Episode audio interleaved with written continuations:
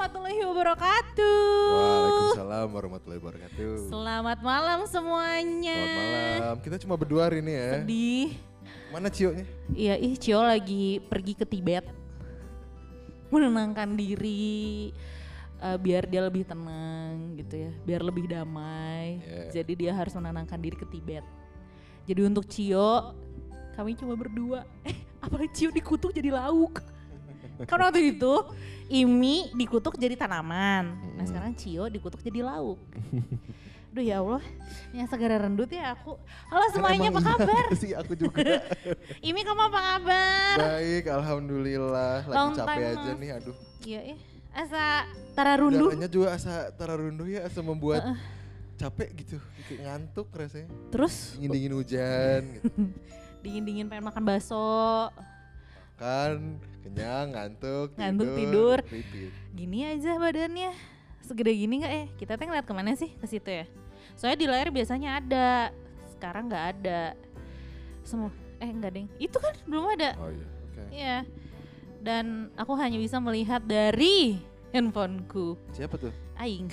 Oh, Oke, jadi tuh ya ngomong-ngomong soal udara di saat ini, itu kan dingin ya Mi ya.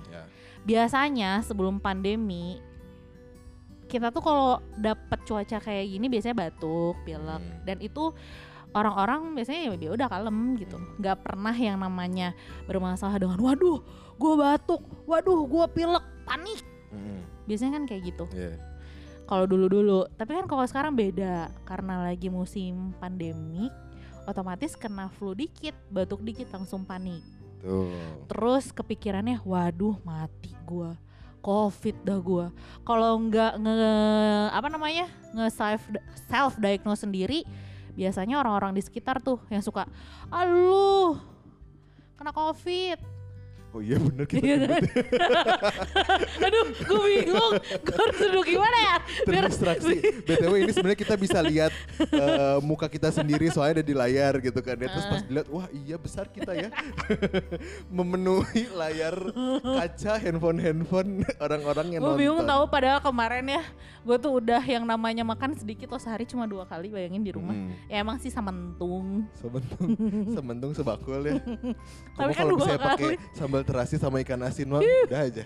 Susah direm deh. Tapi teh aku tuh sudah merasa sangat langsing tapi teh ternyata tidak. Aduh. Aduh atau Oh, aduh nyeri awak dah. Tuh. Atau nanti nitipnya kalau ada kalau ada adik aku yang tinggi hitam-hitam tolong Oke. Eh, agak selingan sedikit soalnya takut adik aku hilang. Balik lagi ke pandemik. Kenapa sih kita pengen ngebahas soal yang namanya panik di saat pandemik, terus juga banyaknya orang-orang yang nuduh sana sini, ah lu pan ini kali omikron kali, lo ini kali, nah banyak tuh Lu yang zaman Delta Delta ya. iya, tapi gue delta sumpah gak ngalamin, Itu yang lu waktu hah? waktu enggak, kita belum bikin pojok refleksi kan lu kena covid tuh. sebelum sebelum delta, Oh sebelum Delta. Heeh, itu yang awal banget, awal banget kan delta yang kedua tuh. Mm. gelombang kedua nih gelombang ketiga ya udah kayak ujian aja pakai gelombang-gelombang. Ya semoga nggak ada gelombang-gelombang berikutnya ya. amin. Jadi ya ap- itu ngaruh nggak sih mih kalau misalnya ada orang yang memojokkan kita padahal kita belum ke dokter atau kita cuma baru bersin bersin doang tiba-tiba langsung dijudge lo covid itu ada ngaruh nggak ke fisik dari Sebenarnya seseorang sebenarnya gini eh, di masa pandemi kayak gini kan memang eh, kita serba eh, banyak hal-hal yang kita perlu adaptasi gitu ya. Terus kayak kita eh, kebingungan gitu ya menghadapi si virus-virus ini. Jadi sebetulnya kalau misalnya kita takut kita cemas atau bahkan marah gitu ya merasakan kemarahan misalnya gitu. Kalau misalnya kita kena covid terus akhirnya kita eh, mikir kayak jangan-jangan dia nih yang kena covid duluan jangan-jangan dia gitu itu sebetulnya hal yang wajar gitu. Kenapa? Karena ya memang namanya juga manusia gitu. Ketika mengalami sesuatu yang tidak menyenangkan itu biasanya mencari sesuatu untuk eh, apa ya bukan disalahkan sih tapi untuk eh, diduga menjadi penyebab gitu. Jadi sebenarnya wajar kalau misalnya ada perasaan-perasaan gak enak itu. Cuma sebetulnya yang jadi masalah adalah ketika pada akhirnya itu menyebabkan perpecahan di antara pertemanan misalnya gitu. Karena kita kena covid akhirnya kita kesebel sama eh, orang yang mungkin nularin kita. Padahal kan ya itu juga keputusan kita untuk main bareng apa dan sebagainya gitu ya. Jadi kita juga sebetulnya eh, nggak perlu saling menyalahkan ya gitu karena ini musibah bersama gitu. Kadang-kadang kita fokus nyari tahu siapa sih yang yang nularin gua, siapa sih yang bikin gua sakit kayak gini, siapa Iya, sih iya, yang bikin gua gitu. susah kayak gini misalnya gitu. Iya. Padahal kan yang lebih penting adalah apa yang bisa dilakukan supaya cepet sembuh Ah, ah. gitu. Seringkali kalau misalnya kita overthinking terhadap itu gitu ya, siapa yang nularin, siapa yang nularin, justru bak bak kita tambah stres gitu. Kita tambah stres, akhirnya imunnya juga nggak jadi nggak terlalu bagus, akhirnya lama gitu proses penyembuhannya. Mending fokus sama apa yang bisa dilakukan supaya cepet sembuh. Gitu. Jadi memang ya nggak usah usil sama orang yang lagi bergejala atau kitanya jangan pernah sama diri sendiri ya. Gimana tuh? Ya kayak misalnya gini ya tadi kan yang udah kita dibah eh, udah bahas. Misalnya nih gua ngelihat si Cio bersin bersin covid lu. Ya kan itu jangan juga. Terus juga kalau misalnya gua kayak kemarin nih jujur li gua kemarin kurang tidur. Jadi selama tiga harian gua tidur subuh subuh subuh dan subuh. Dan akhirnya kan otomatis badan gua nggak enak Ya. tenggorokan gua berak Berat teh naon. Cik eh, di di explain dulu sama berak teh eh, serak oh serak. ya. Susah amat ya serak gitu nah di situ gue tuh Terapi. itu terlalu nah abis itu daripada gue kayak parno sama diri sendiri gue tuh kayak jauh jauh lebih kayak diem dulu di rumah tidur nih kayaknya gue kurang tidur oke berarti gue harus tidur dulu nih Mhm. Terus ini seraknya kenapa? Kalau misalnya karena kurang tidur ya udah gue tidur dulu. Tapi ternyata seraknya masih ada. Oh ya udah. Gue min gue makan fisherman Mhm. gitu. Gue makan fisherman. Terus udah gitu gue minum banyak udah. Sehat alhamdulillah gitu. Alhamdulillah. jadi tuh nggak yang parno waduh gue nggak enak badan. Wah covid nih gue padahal udah jelas. Jadi kalau menurut gue ketika lo nggak ngerasa enak sama badan lo sendiri lebih baik nge-review dulu. Lo abis ngapain? Apa lo kurang tidur atau lo emang kecapean gitu takutnya emang gara-gara itu Ini kita kita nyari tahu eh, siapa ya yang eh, nularin kita misalnya gitu. Ya mikir ke sana juga nggak apa-apa sih sebetulnya, tapi yang lebih penting difikirkan adalah gimana eh, caranya supaya bisa cepet pulih gitu.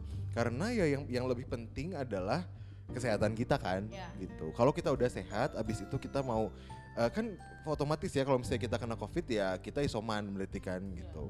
Eh, mau gimana juga kalau misalnya kita nggak tahu siapa yang nularin ya nggak akan nggak akan tertular lagi sebetulnya karena kita isoman gitu. Eh, nah ya udah setelah itu kita mau mikirin kayak siapa ya yang yang yang nularin ya boleh-boleh aja tapi pertanyaannya apakah ada tujuannya, apakah ada manfaatnya berpikir ke sana gitu. itu masuknya ke eh, paranoid apa anxiety sih nih Oke, sebetulnya paranoid itu kan ketakutan yang berlebihan gitu ya. Mungkin ini sebetulnya ya ini aja kecemasan dan ketakutan biasa lah gitu. Itu wajar gitu. Kalau paranoid itu biasanya eh, dihubungkannya sama sesuatu yang lebih berat gitu ya. Kayak misalnya ngerasa dikejar-kejar, ngerasa banyak orang yang benci sama dia, ngerasa ada orang yang mau eh, mencelakakan dia gitu. Itu paranoid gitu.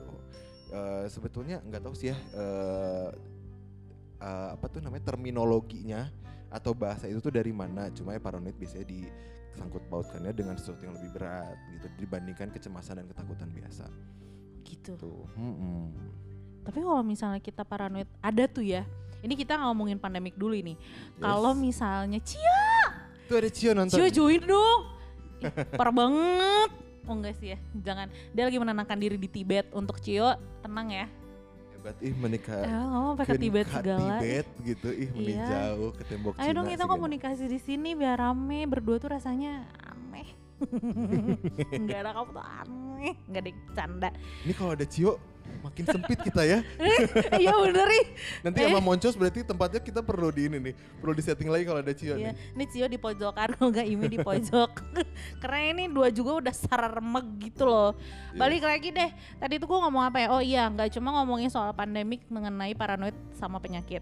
Mhm. Gua tuh dulu pernah kayak misalnya gini, aduh gue pusing, wah jangan-jangan gue cancer, kanker otak. Pernah tau gue, migrain doang padahal. Jadi eh, dengan apa namanya Google. Gue tuh mengandalkan Google banget. Pusing kepala sebelah berhari-hari. Wah jangan-jangan ini ini ini ini ini. Dan otomatis tapi tuh kerasa sama gue si pusingnya emang gak hilang. Oke.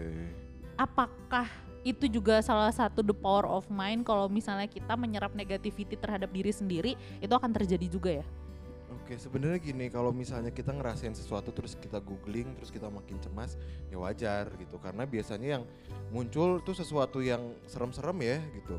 Misal kita eh, nyari sakit kepala, itu kan penjelasannya biasanya mulai dari sakit kepala ringan sampai yang paling Berat. misalnya meningitis apa segala macam itu kan Iya. serem ya. Gitu. Itu ya pasti memicu kecemasan karena kita pre- kita prepare for the worst. Batuk kan. loh. Batuk, ya Allah takut. Nah, kita kan prepare for the worst ya sebetulnya Hmm. gitu. Nah, tapi kalau misalnya itu terus-terusan terjadi, ya itu akan melelahkan buat kita. Kita terus-terusan stres. Akhirnya capek sendiri, capek fisik, capek mental sih. gitu. Nah, makanya mending periksain langsung ke dokter gitu. Itulah gunanya dokter ketika kamu sedang merasa tidak baik-baik saja dengan diri kamu sendiri lahir maupun batin langsung aja ke dokter gak usah ribet-ribet tapi ya kebanyakan orang tuh ke Google loh, Mi.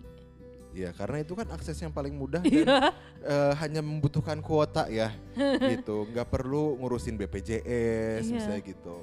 Nah tapi memang dampaknya adalah dia akan memberikan informasi yang mungkin nggak akurat sama kondisi kita gitu kan. Ka- mereka ngasihnya kalau Google tuh ngasihnya kondisi general aja mulai dari yang paling ringan sampai yang paling berat. Habis itu kita ngeliat yang paling berat ke kepicu tuh kecemasan kita kita jadi cemas banget gitu. Aduh jangan-jangan gua kena kanker atau kenapa kena ini kena itu. Oke, untuk mengatasi kecemasannya lebih baik cek ke dokter gitu supaya tahu memang. dampak terparah dari kebiasaan orang-orang yang secara nggak sadar itu mempengaruhi psikisnya itu apa Mi?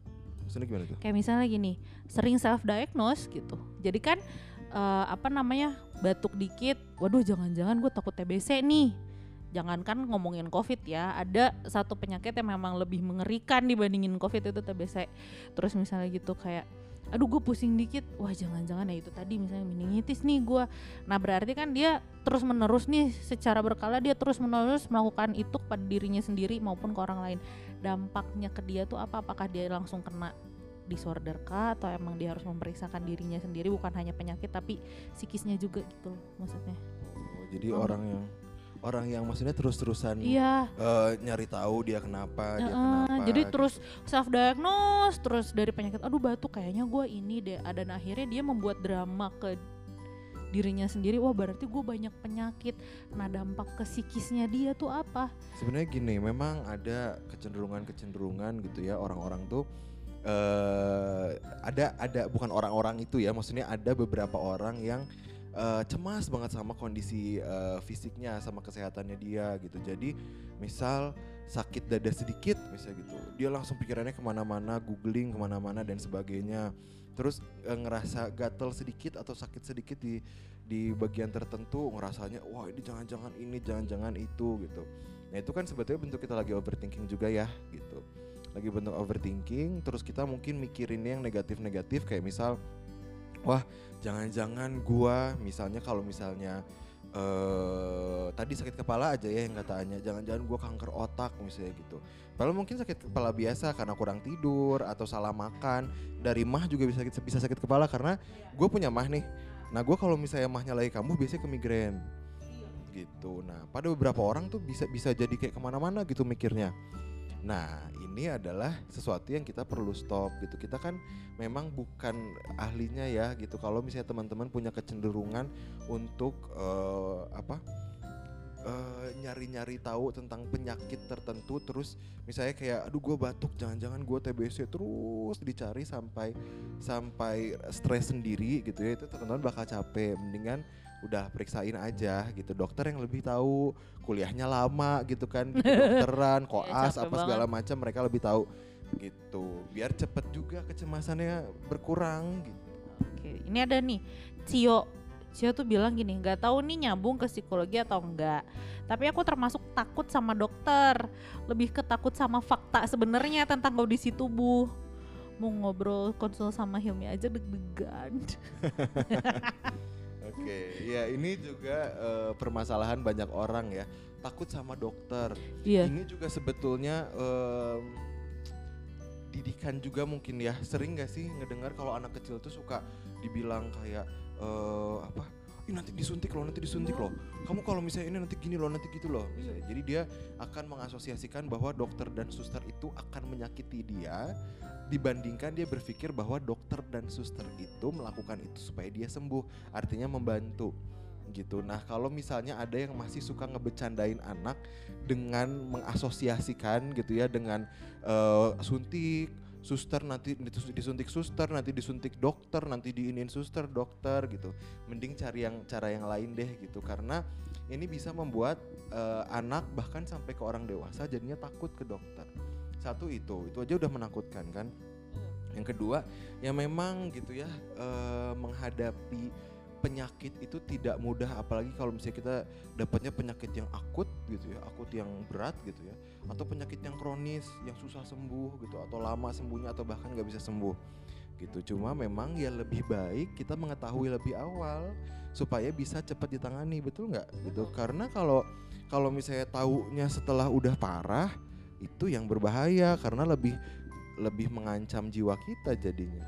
Gitu. Nah, B, Cio, lu waktu kecil suka ditakut-takutin ke dokter nggak? nah Soalnya kalau aku sendiri nih, eh, jadi dulu tuh kan aku eh, diurus sama nenek. Nenek aku tuh termasuk yang kalau misalnya aku panas dikit dokter panas dikit dokter dan dia itu selalu bilang kayak obat tuh enak tau. Jadi gue tuh dikasih bodrexin dulu supaya ngerasain obat itu enak. Kan bodrex tuh enaknya rasa jeruk. sponsori oleh Bodrex Oh iya. Jadi itu kan enak ya obatnya rasa jeruk siapa sih yang nggak suka rasa obat kayak jeruk gitu. Iya. Nah akhirnya gue kesugesnya gini, oh iya dokter itu untuk menolong. Jadi setiap gue panas atau misalnya gue sakit karena gue mandal juga.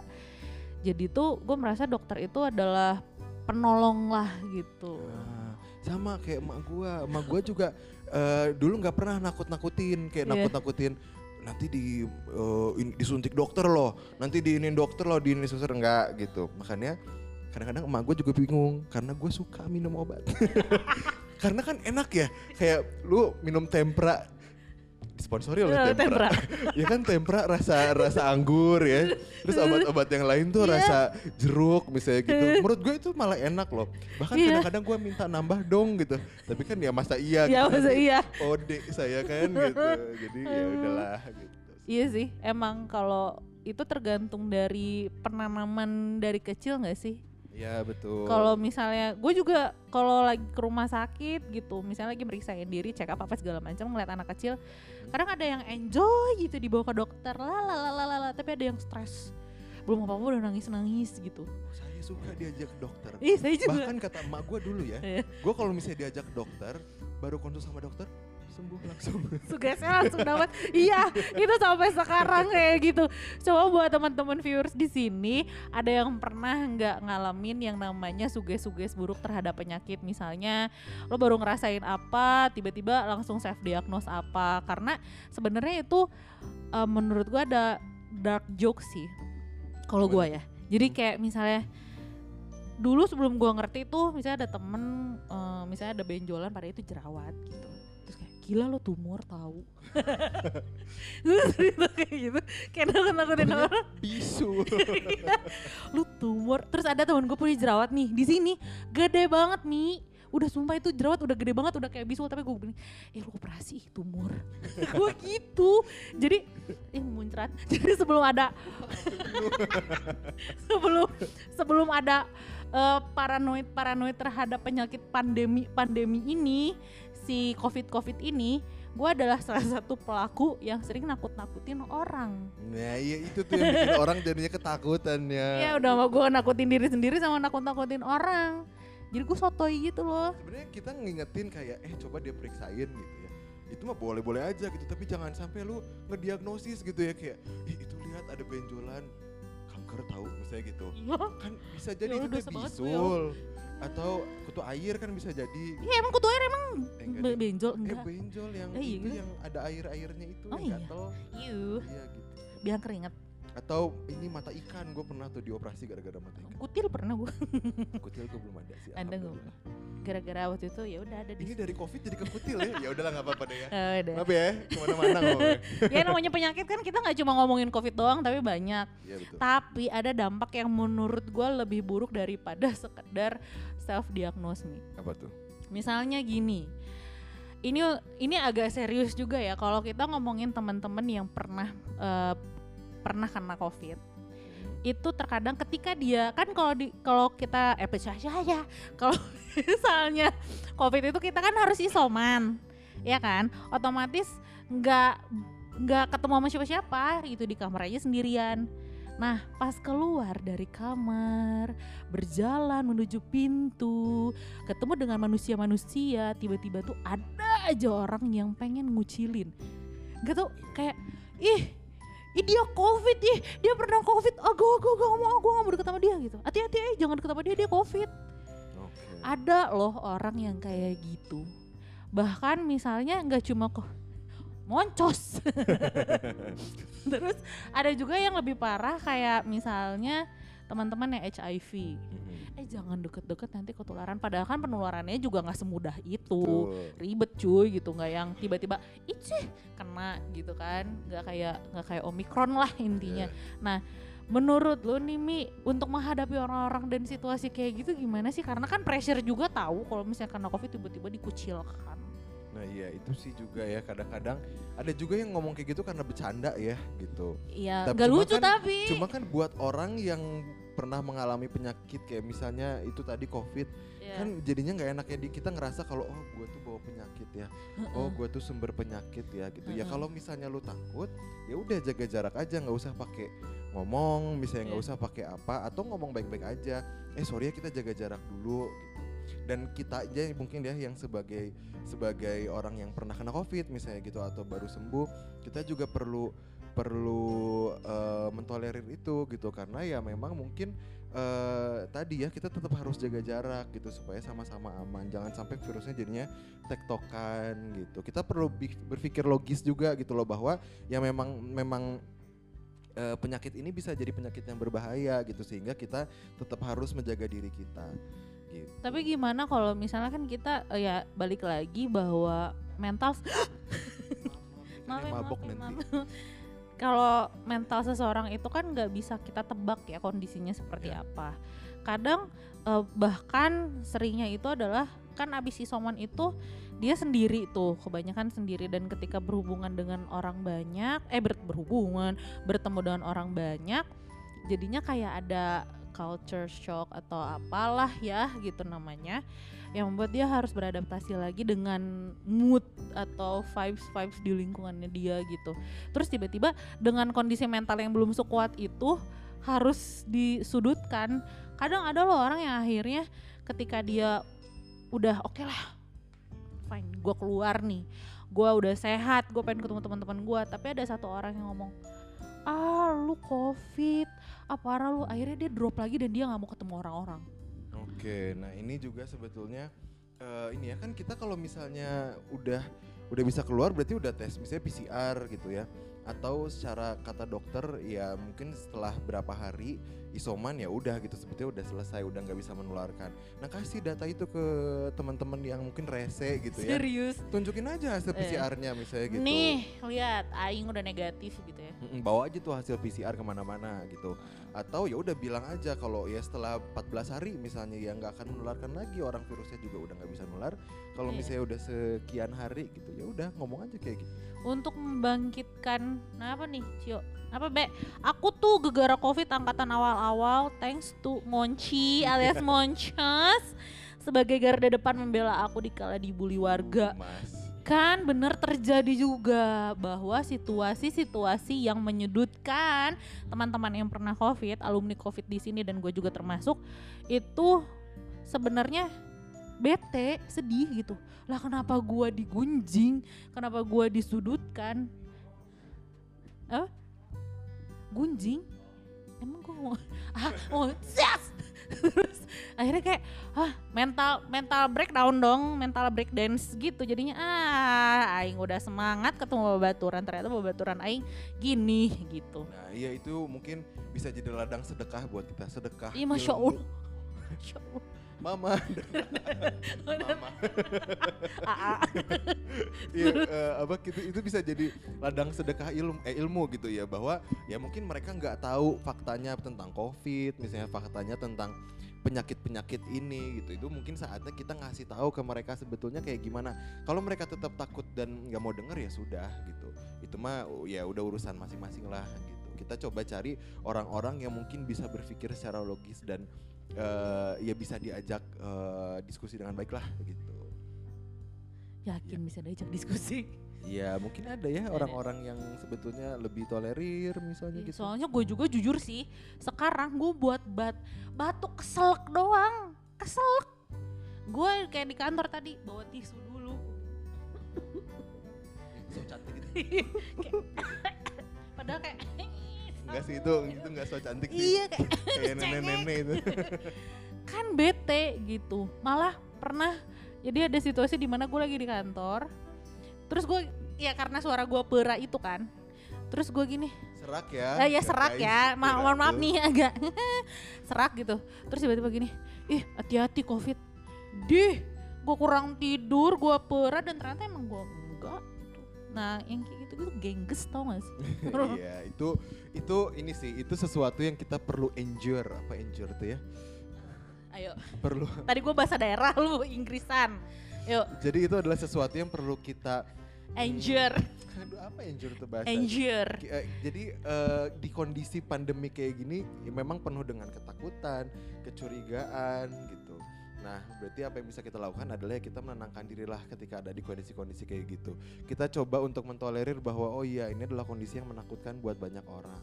Buat kita sendiri, buat orang-orang di sekitar kita gitu. Mungkin dia punya anak yang harus dilindungi tapi saking ketakutannya jadinya responnya seperti itu ke kita gitu. Ya udah, eh, kalau misalnya memang nggak nyaman, jaga jarak dulu aja dari orang itu. Kita cari orang yang mungkin lebih bisa menerima kita gitu dan kita juga harus sadar dengan kesehatan kita. Kalau misalnya memang gue ngeliatnya ke sana terus, padahal kameranya di sini.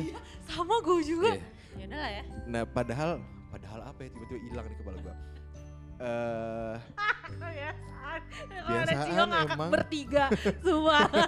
iya gue tuh suka Jadi di gitu. endure, Ya, harus di itulah, pokoknya endure.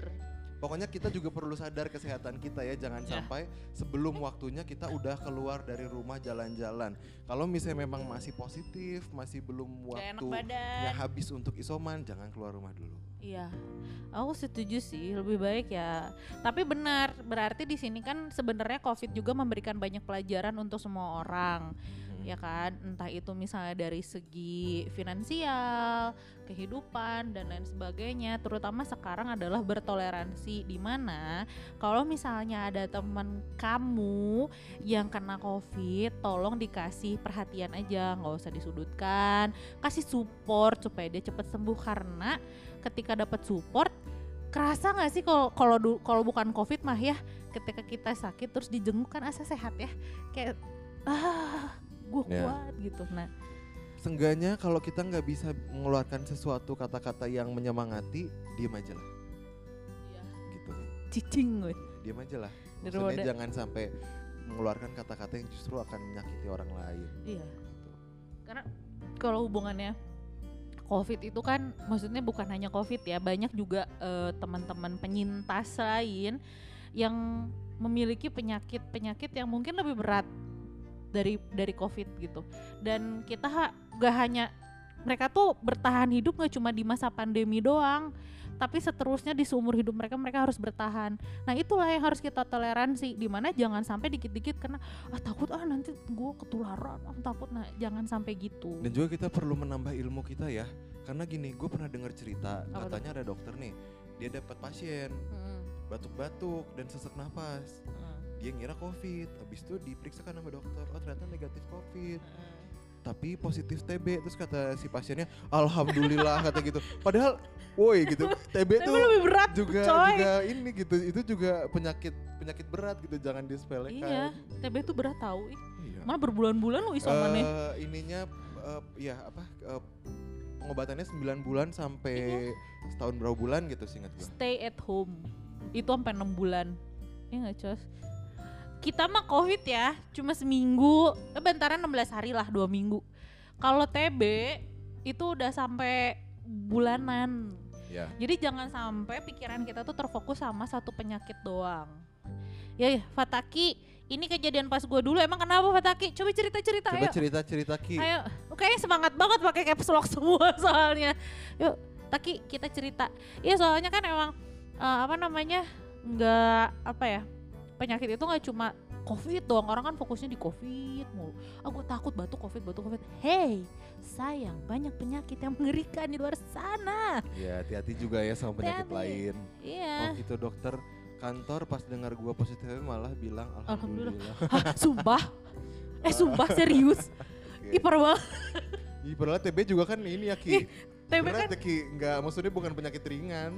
Iya dong TB itu lebih serem Obatnya tau. juga Mahal. mual. Eh mahal juga kan? Nggak tahu. Iya. Nggak belum pernah soalnya.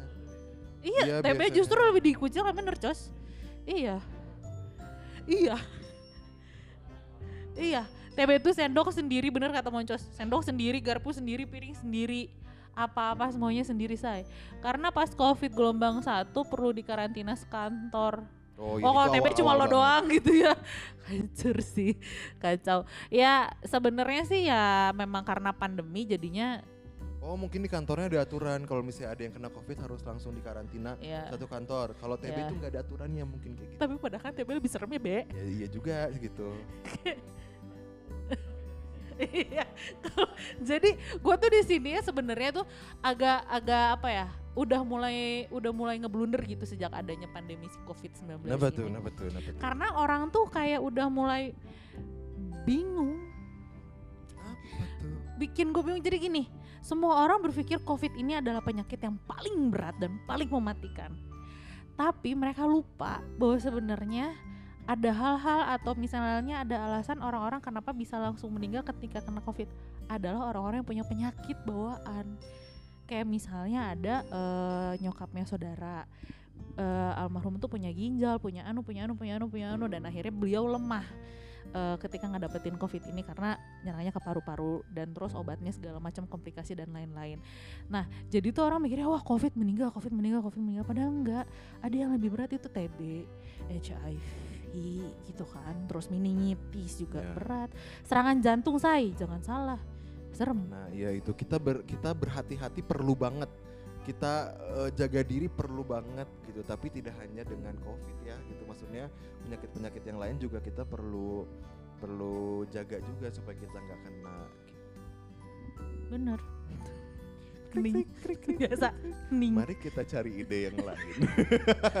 so biasanya kan bertiga ya. Kalau bertiga tuh biasanya yang dua nggak ada nggak ada nggak ada inspirasi, yang satu ada yang ngomong Oh. gitu kan. ini kita barengan gerik-geriknya tapi tapi sifat Aki ini ya sempat satu eh bukan sempat Eh gua pernah punya pengalaman yang sama jadi satu tim kantor gua gitu kompak semuanya covid Oh iya bener, itu jadi ceritanya adalah gua tuh pernah kerja bareng sama Anya tuh.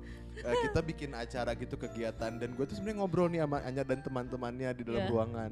Nah waktu itu satu ruangan kena ya kecuali gua, iya ya nggak sih? tapi enggak setelah setelah ngobrol sama lu malah besoknya Iya. besoknya Jangan baru gue yang yang nyebar tapi gue gak ada gejala gak tahu juga. tapi gua malah menuduhnya ke tukang cuanki maaf mang iya nah Kenapa tuh? nah ini nih Mi, yang jadi pertanyaan gua ini gue juga manusia biasa ya Iya. Jadi waktu itu pas gue kena covid gelombang pertama itu sama anak-anak kantor itu karena abis beli cuanki yang gue nggak tahu sih emangnya sebenarnya lagi lagi sakit apa enggak gitu. Sampai detik ini gue takut cuanki Nah ini juga ya bisa bisa menimbulkan prasangka buruk bukan hanya kepada teman tapi juga kepada tukang cuangki kan mang kasihan ya. maafin ini mamang Maksudnya gini, mang ih hampura. Kan kita juga nggak tahu ya kenanya beneran dari Mang Cuanki. Jangan-jangan Mang Cuanki ini lagi bikin no terus abis itu ada Ulia misalnya gitu. Ulia temannya dia btw gitu. Atau siapalah temannya dia gitu yang mungkin memang sudah carrier makan makan cuanki bareng kenanya di situ gitu. Kan belum tentu juga gara-gara Mang Cuanki iya kan jadi gue tuh sekarang kalau mau beli cuanki tuh kayak eh, rindu tapi benci. Kayak pengen tapi takut gitu loh. Kayak aduh ingin berkabai tapi susah. Terus setelah makan cuanki itu hilang ini ya, hilang indera perasa itu ya. gue takut sumpah. Itu sih paranoid paranoid yang memang misalnya kesuges juga mungkin ya karena gue juga nggak tahu sebenarnya si Mang Cuanki atau bukan gitu yang nularin. Tapi ini juga pun mungkin terjadi sama teman-teman yang lain ketika oh iya gue habis ngumpul sama dia dia tuh kayaknya yang nularin gue akhirnya takut gitu deket sama orang itu. Jadi kompleks banget sih sebenarnya antara harus bertoleransi dengan kondisi yang seperti ini tapi di sisi lain juga si rasa paranoidnya gede banget. Bingung. Apalagi Omikron, eh Omikron, Omikron, Omikron. Apalagi Omikron sekarang tuh lebih gampang kan penularannya. Kalau dulu mungkin yang Delta atau yang sebelumnya lah, Covid yang sebelumnya lebih bisa Corona, di track. corona aja. Kan kalau misalnya kita kontaknya deket banget baru kena kan. Kalau Omikron tuh katanya, ber, eh, gue juga nggak tahu ya, gue bukan dokter, tapi katanya di tenggorokan, jadi lebih mudah untuk nyebarnya. Jadi kita juga nggak tahu, jangan-jangan ngobrol sama siapa, ngobrol sama siapa, terus ya kenanya dari mana nggak tahu juga gitu. Ya, Yang in- penting kita fokus aja sama penyembuhan kita ya. Iya, Dan setelah itu tetap guna, tetap tetap prokes. prokes dan udah nggak usah mikirin lu diet apa segala macam ntar dulu makan aja dulu yang bener makan yang sehat ya olahraga bari jeung henteu aing mah ya olah makan doang jaga aja kesehatan makan yang bener udah gitu jangan macem-macem dulu Ya, ya kan penting olahraga, makan teratur penting. Makan. olahraga. Ya kan karena gue nggak olahraga mi jadi masa gue nyuruh orang olahraga kan Jadi yang nyuruh karena gue olahraga. Ya, lo aja yang nyuruh gue mah nyuruhnya makan aja. Karena kita harus menyarankan sesuai dengan apa yang kita lakukan. Ya, waduh, sunnahnya begitu ya. Eh, masya Allah, Wajibnya. ya? masya Allah. Ini kita jadi mamah dede. Jadi kayak gitu, kalau misalnya menghadapi kondisi kayak gini, ya udah, nggak usah dibikin parno. Mau gimana? Ini apa nih? Takut boleh, cemas boleh, Iya. tapi yang penting kita tetap eh, fokus sama penyembuhan. Iya. Fokus sama mencegah supaya kita nggak kena. Itu aja. Iya, yang jelas tuh kayak nenangin diri sendiri gitu loh. Jangan sampai dikit-dikit, aduh kayaknya gua ini deh nanti ketularan ini segala macam segala macam. Ya kalau misalnya buat tem- kamu-kamu yang paranoid ya udah siapin PCR di rumah. Kalau ada perkumpulan PCR aja semuanya aman kan? Iya, duitnya bu. Modal itu dia harus modal batu kan gua. Mama aja takut. Gantiin. Jas. Masih berak. Mau ya? Krik-krik lagi. krik-krik lagi. Tapi lu pernah gak sih kayak lo nih kan lo psikolog tapi kan lo juga manusia. Lu pernah gak sih paranoid Pernah lah. sama apa gitu yang membuat lo kayak aduh gue takut covid. Eh, awal-awal pernah. covid tuh awal-awal covid eh denger berita di eh, TV gitu ya atau di medsos kayak eh, gejalanya ini ini ini ini. Habis baca batuk-batuk. Sumpah lu? habis baca terus kayak ini apa agak meriang-meriang gitu. Itu namanya psikosomatis. Jadi, Ah, Eh, simptom-simptom fisik yang muncul gara-gara sebetulnya kecemasan atau kondisi psikologis. Oh, oh, secepat itu ya sugesnya. sugesti gitu. Jadi the power of mind ya. Jadi kalau misalnya kita takut banget, kita bisa jadi ngerasa sesuatu yang sebetulnya yang nggak ada di badan kita gitu. Itu kasus-kasus yang sering banget terjadi gitu ketika eh, COVID, ketika COVID lagi melanda gitu. Terus biasanya kalau misalnya orang-orang yang lagi kena COVID, apalagi dulu zaman Delta ya, Hmm. kalau Delta kan simptom-simptomnya tuh lebih berat daripada Omicron Ya. gitu. Nah ini btw gue juga pernah nih nanganin eh, jadi eh, professional volunteer gitu ya untuk konseling orang-orang yang kena covid pas gelombang delta. Dan itu memang pengaruh sama kondisi psikologisnya gede banget.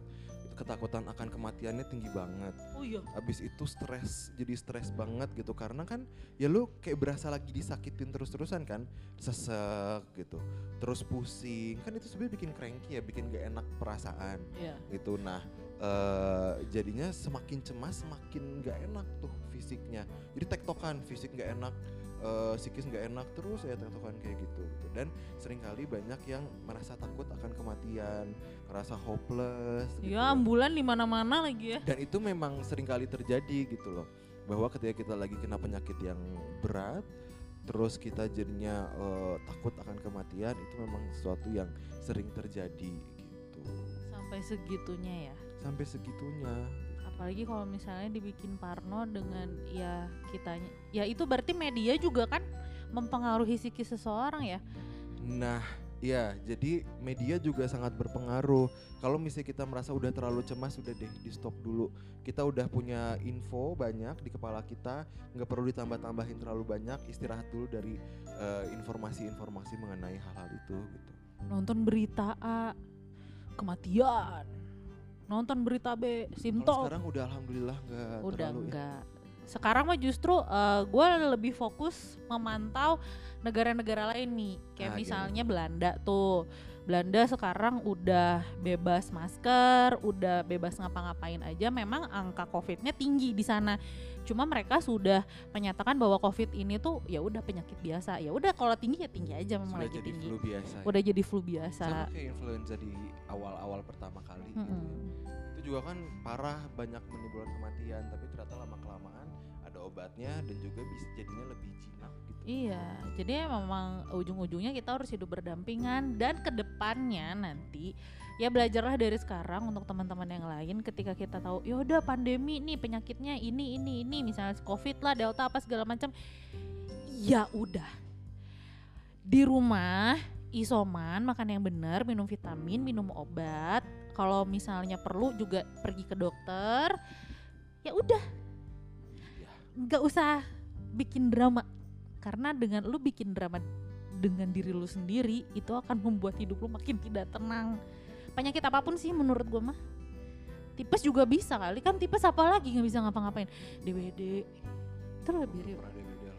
ya alhamdulillah gue juga jangan sampai ya amit amit Gue belum pernah diinfus tau seumur hidup. ih gue pernah sering. Sakit gak? kalau lu banyak gerak itu sakit nanti bengkak. Kalau di infus diem aja tangannya. Kita jadi ngomongin infus. Kepo enggak apa Menambah ilmu ya. Ya enggak ih. Takut ya.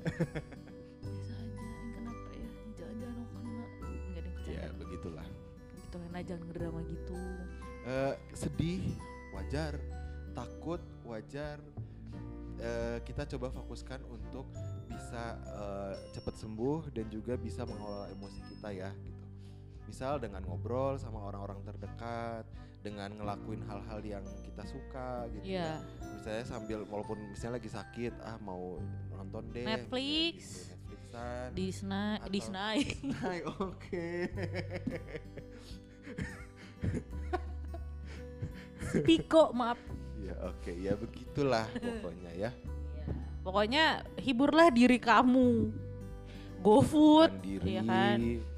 Coba teknik relaksasi nafas, coba cari hal-hal yang bisa membuat kita happy daripada kita terfokus sama pikiran-pikiran negatif yang ke mana-mana.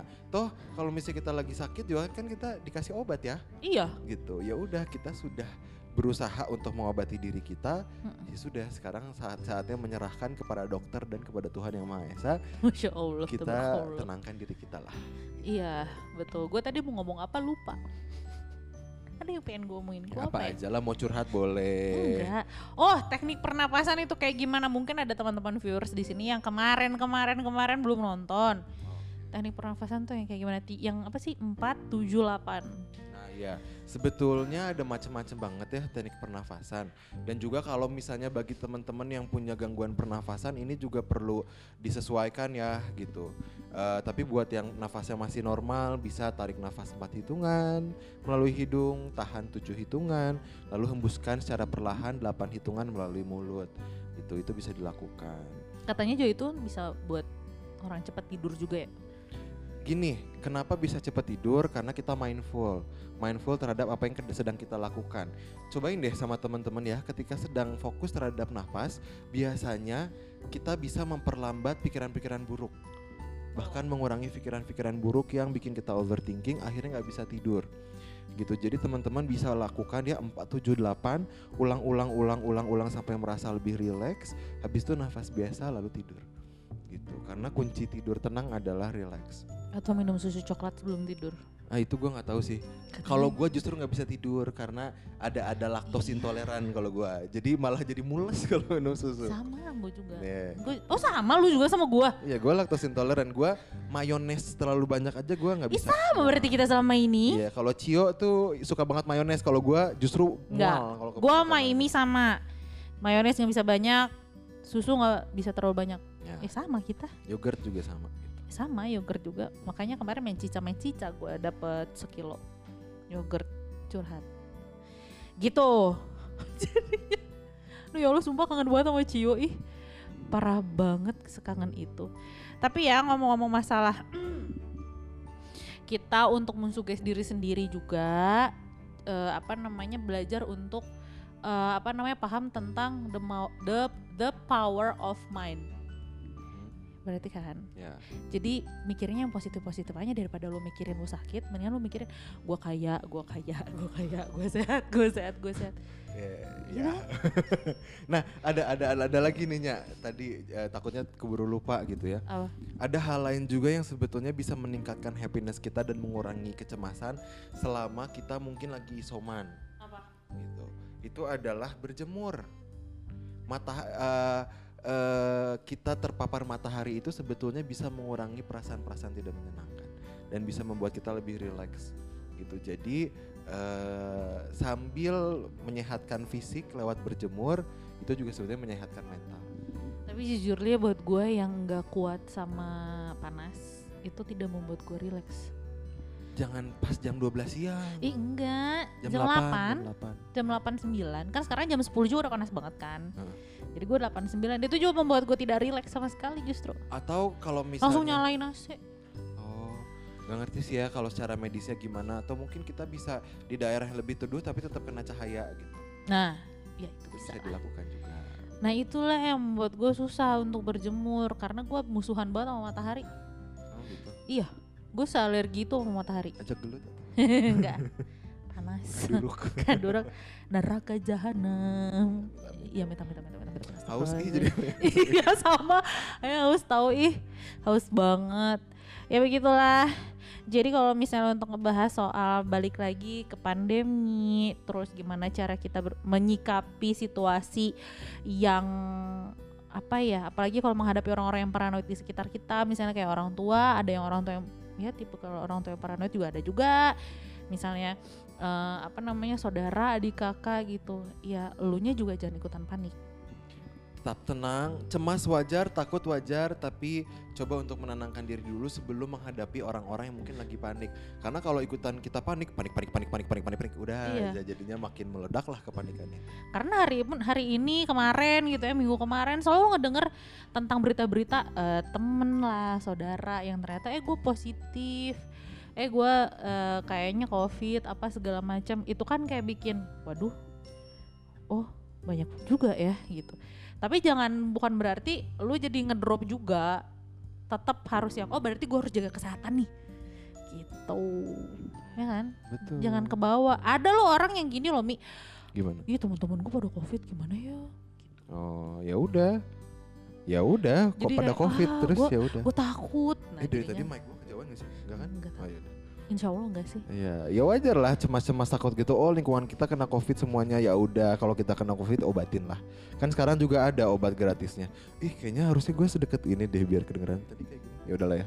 Semoga tetap kedengeran sama penonton ya. Too late. Penonton. Oke. Tuh liat. Kayak ada teman gue satu keluarga itu sama bayi-bayinya kena covid, Oh iya. omikron. Ah, ya, ya. Akhirnya mereka karantina. Tapi ya yang membuat gue salut adalah ya mereka yang nggak panik gitu. Oh ya udah anggap aja flu biasa gitu. Bukan berarti mengecilkan penyakit sih. Tapi biar le- kamu lebih tenang aja. Yes betul. terus biar ya mentoleransi orang-orang lain yang mungkin belum dapat dan nanti suatu saat dapat dan lu bisa mentoleransi mentoleran Tolerir, eh salah mentolerir mentolerir bukan mentolerir. Ih gue jadi grammar Nazi. itu susah itu adalah kata-kata yang paling gua nggak bisa sebut mento le, mentoler mentolerir Mentolerir. Lerir. Lerir. mentolerir mentolerir Apa gue yang salah ya? Ah. Mentolerir. Itulah ya. Enggak mentolerir. mentolerir Mentolerir. Maaf ya, ini jadi ng- ngelihat Boleh, kita. boleh. I say, I say potato, you say potato lah ya. ya oke lah. Jadi gitu. Jadi lu bisa ya gitulah ya. Kondisi teman-teman kamu ke depannya atau saudara, oh jadi kamu bisa nggak jadi informan, oh ya minum obat ini, minum vitamin ini gitu. Karena awal-awal gue covid gue tanya-nanya ke Cio, Hmm. B apa aja yang harus gue siapin? Mm-mm. Bukannya jadi paranoid ke orang yang sakit, tapi jadi informan gitu. Iya ngasih informasi soal pengalaman kita kena covid gimana ya gitu. Bisa bantu orang jadinya kan. Mm. Gue ngomongin informan inget Batman tahu. Kenapa itu? Gue belum nonton. Ada nanti kita nonton. Ya oke. Nanti kita nonton. Ini kita sudah Kalau ada yang mau nanya silahkan bertanya ya, jangan atau sungkan, misalnya jangan kamu malu. ada yang pernah gitu ya punya pengalaman pedih. Kayak tadi Cio kan, Cio punya pengalaman pedih karena dia dipojokin. Gara-gara dia udah sembuh covid ternyata ya banyak orang yang nge, apa sih yang menyudutkan dia dan akhirnya begitulah. Terus juga ada Fataki yang ternyata bosnya malah seneng dia positif TB. Hah, seneng. Iya kan? Oh, eh itu. maksudnya alhamdulillah kan rasa syukur cuy. Oh, iya karena nggak mungkin nggak ada regulasinya kalau soal TB. Kalau soal COVID kan dulu pokoknya satu kena COVID satu lantai nggak boleh masuk misalnya gitu. Itu tuh yang gue aneh. Padahal kalau dia kena TB menurut gue mendingan satu lantai semuanya di in. Nggak ada aturannya kan. Oh iya sih. Bikin aturan sendiri aja lah. Iya boleh sokanya bikin aturan. Karena TB lebih bahaya cuy. Dibandingin dibandingin COVID. Sumpah, gue lebih takut. Tapi jangan distigmatisasi ya. Iya. Kita kasih info aja sama orang-orang yang mungkin sakit Ya, untuk menjaga kesehatannya, menjaga Iya. jarak. gitu. ya gitu. Konsumsi obat penting. Mm, tapi jangan obat-obatan terlarang. Ya jangan nanti nge-fly. Ini kita udah kita udah ke mana-mana tuh gak sih ngobrolnya Iya. parah banget. Tapi ya udahlah ya terima Dateng kasih nih. nih. Oh belum. Kalem. Ya udahlah kita ngawangkung aja. Ya udah kita ngobrol apa aja deh, Nya. Kan udah beres tuh tentang Covid-Covid. Enggak sih kalau misalnya ngomongin soal paranoid memang susah.